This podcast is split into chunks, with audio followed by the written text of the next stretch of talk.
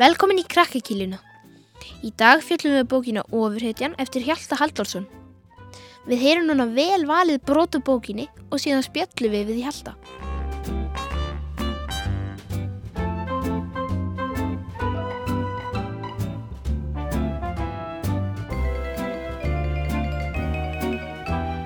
Maður verður að hætta að haga sér eins og svo sem maður fættist til að vera og byrja að haga sér eins og svo sem maður vill verða, segja æstur við Helga morgunin eftir. Við setjum inn í herbygginu hennar og borðum síðustu hraunbyttina frá því í gær. Ég er búin að útskýra hugmyndina fyrir henni en hún virðist ekki alveg sannfærð. Ha? Helga horfi skilning svana á mig. Ægið eitthvað í þá áttuna.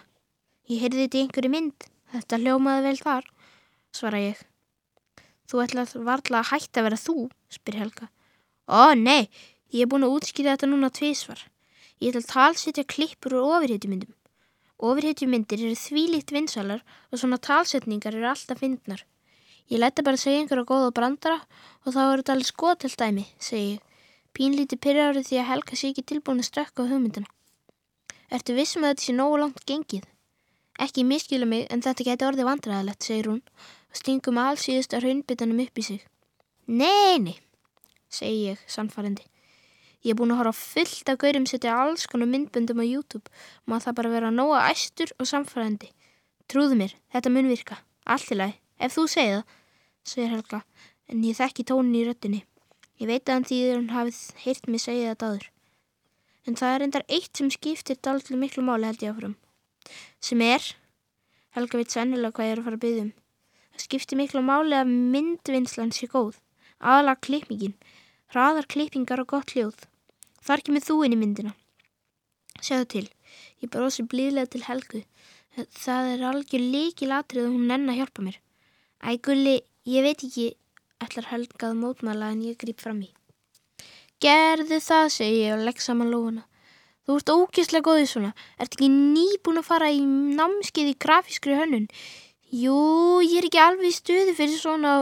Gerðu það, þú ert snillingur í svona tækni. Grýp ég aftur fram í og læt fallast á hnýjan.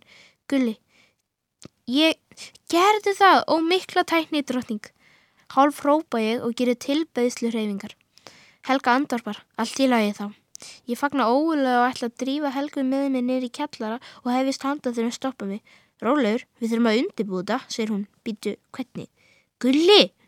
Í fyrsta lagi hvaða myndefni þú ætlar að nota, í öðru lagi, finna það, í þriðja lagi, ákveða hvað þú ætlar að segja, fyrir utan að finna tónlist og þess áttar.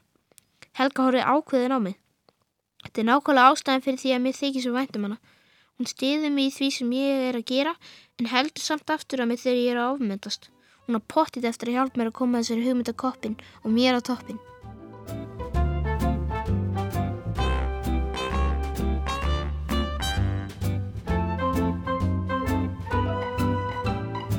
Núna ætlum við að tala um ofurhétuna eftir Hjalta. Hann Hjalti er hérna komin. Velkomin. Takk fyrir. Mér langar bara að spyrja um hvað fjallar eiginlega bókin? Já, bókin fjallar um uh, hann Gulla sem er bara svona freka vennilega strákur í íslenskum skóla og hann, uh, hann finnst hann samt vera svolítið svona, lífið hafa verið svolítið ósangjant við sig. Hann langar rosa mikið að slá í gegn og vera frægur og er jafnvel með svona draumum að eignast peninga, hann er svona svolítið ósáttur við sína stöðu í, í hérna, hann hefur lendið í einelti og alls konar svona hlutum.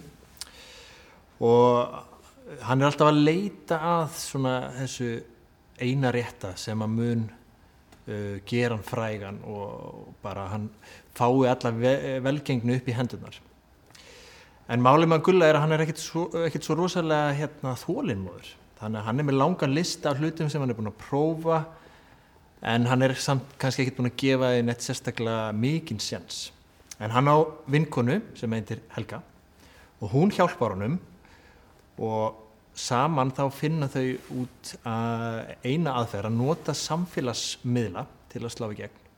Og þá fer boltin að rulla og þetta er svona ofurhættu saga þar að segja að hún er, ég byggði hana upp eins og svona dæmigerðar ofurhættu sögur, það er hérna erki óvinnur sem stendur í vegi fyrir honum og ymsar hindranir í veginum og hann er svona ákveðnum árangri en svo þarf hann að líka berjast við berjast við ymsar hindranir þannig að hérna já, það er svona í stuttu máli um hvað bókin fjallar Já, já. En hvernig típa er eiginlega aðal persóna bókarinnar? Já, og hann Gulli, hann, ég kom svolítið inn á það, hann er svona, hann er alveg bara hress strákur og, og hérna með marga góða hæfileika en hann kannski er svolítið svona leitandi, maður myndi kannski segja það, hann er að hérna leita að einhverju sem að mun fær honum svona fræð og velgengni upp í hendunar, þannig að hann, hann er kannski svolítið, ég vil nú kannski ekki segja ómikið, en hann er, hann er svolítið mikið að að innblina bara sjálfa sig, gleymir kannski að þess að, að hérna, horfi kringu sig og hlusta vinu sína og fylgjast með hvað er að gerast og svona Já. ásamt því að vera, já, hann er mjög óþólimóður, hann bara, hann vill að þetta gerist bara strax, draumurinn rætist bara strax í dag. Já. En er gulli nokkuð eitthvað þú þegar þú er skrakki? Nei, ég held að ég geti nú alveg bara neita því, hann, ég er samt sko kannski óvart er eitthvað, það er alltaf þannig þegar maður er að skrifa, maður er alltaf að skrifa um einhvern veginn út frá sjálfum sér, Já. þannig að hérna Gulli er náttúrulega mín hugmynd að því hvernig hérna svona venjulegu strákur uh, er. Þannig að kannski eitthvað svona smittast í hann. En uh, ég hugsa svona þegar ég hugsa tilbaka þá er hann ekkert sérstaklega líku mér sko en ég þekki fullt af krökkum sem eru uh, kannski svipað, svipað á hann Einmitt. En hvernig fegst þú hugmynduna af þessari bók? Er eitthvað svona sérstakt við sögufræðin? Já, já, ég er hérna náttúrulega búið að vera rosalega mikið á ofurhetju kvikmyndum. Það er bara hafa komið út sko tugir kvikmynda á síðustu árum sem að falla í þennan flokk, allar þessar Já. Marvel myndir og DC og allt þetta. Þannig að hugmyndin kviknaði svolítið út frá því að, að, hérna, að nota þennan efni við. Uh, svo langar mig bara líka að svolítið að skrifa um þetta svona að, að hérna, ég held að margir geti tengt við þetta að, að hérna að elda svolítið, að, það vilja slá í gegn það dreymir alla um þú veist þegar að leggjast á kottan þá ég held að það dreymir alla um að einhver tíman standa á stóra sviðinu og, og hérna öðlast fræð og frama þannig að það, ég ákvað að blanda þessu svolítið saman Já, einmitt. En hvað finnst þér verið ógraftar?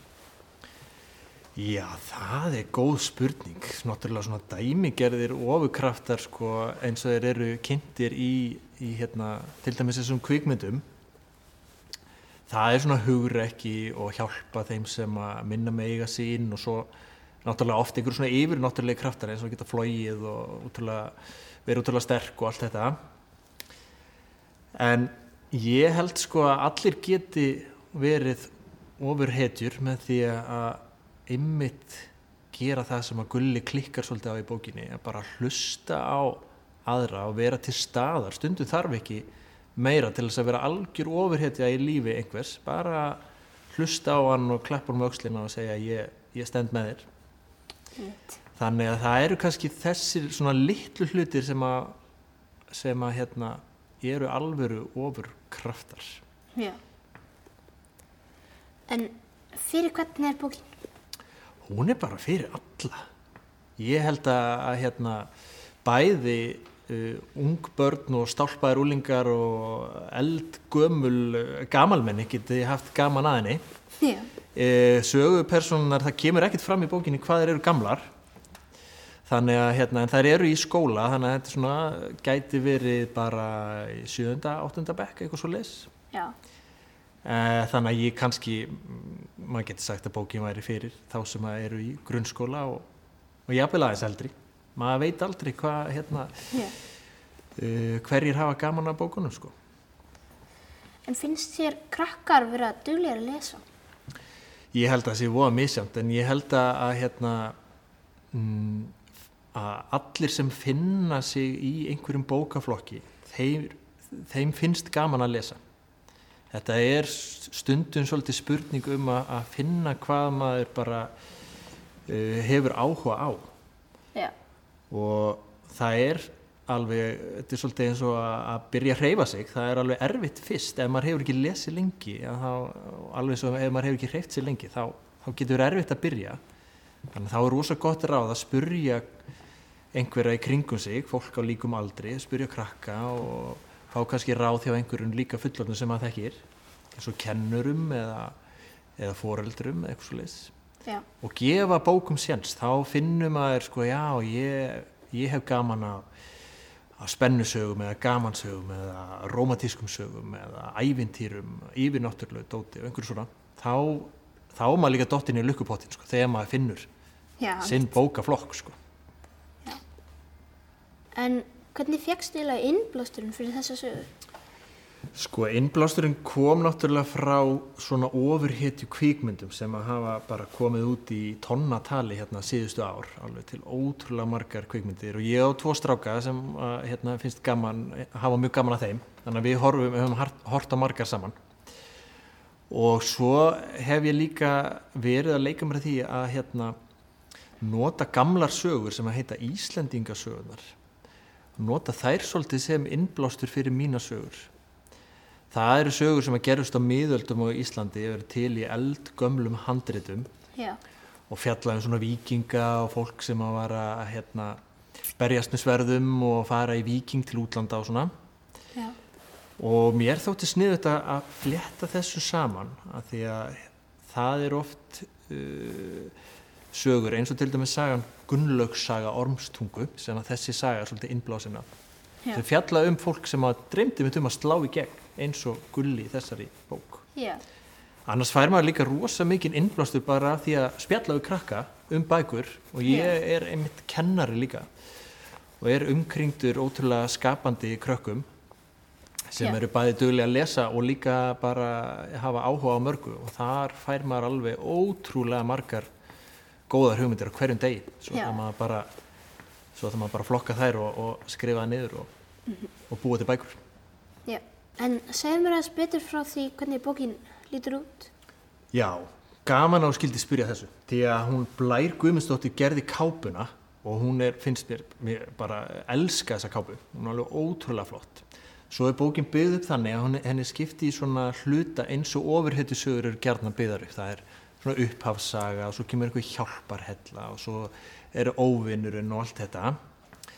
Og það eru ekki myndir í bókinni en uh, hins vegar nota krakkarnir samfélagsmiðla stundum til að tala saman eins og fólk gerir í dag.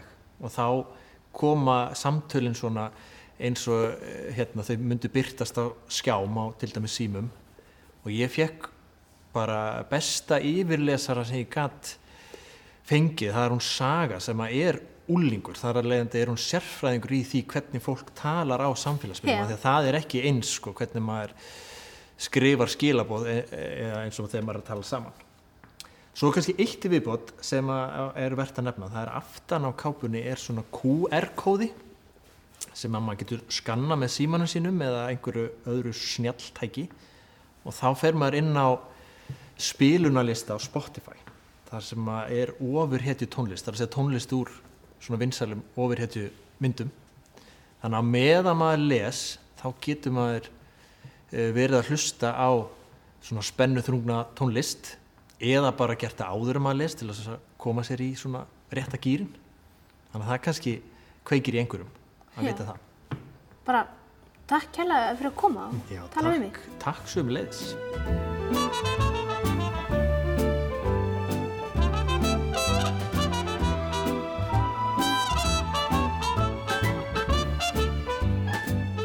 Roald Dahl var breskur rítvöndur.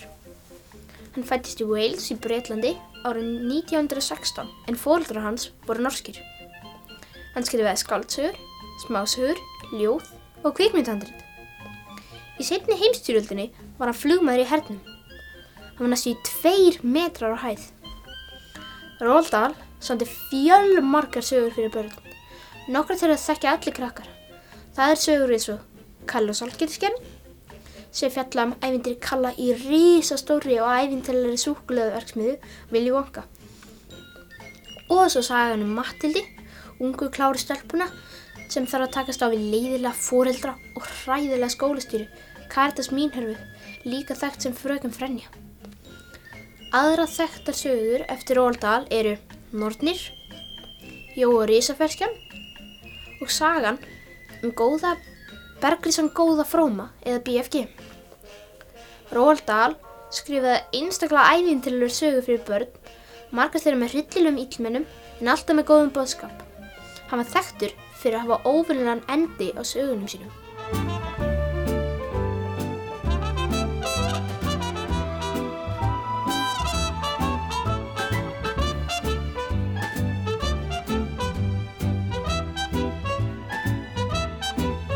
Þetta var þátturinn Krakkakílinn. Alla þættin okkar er að finna á krakkarúf.is. Heyrist í næstu viku. Bless, bless.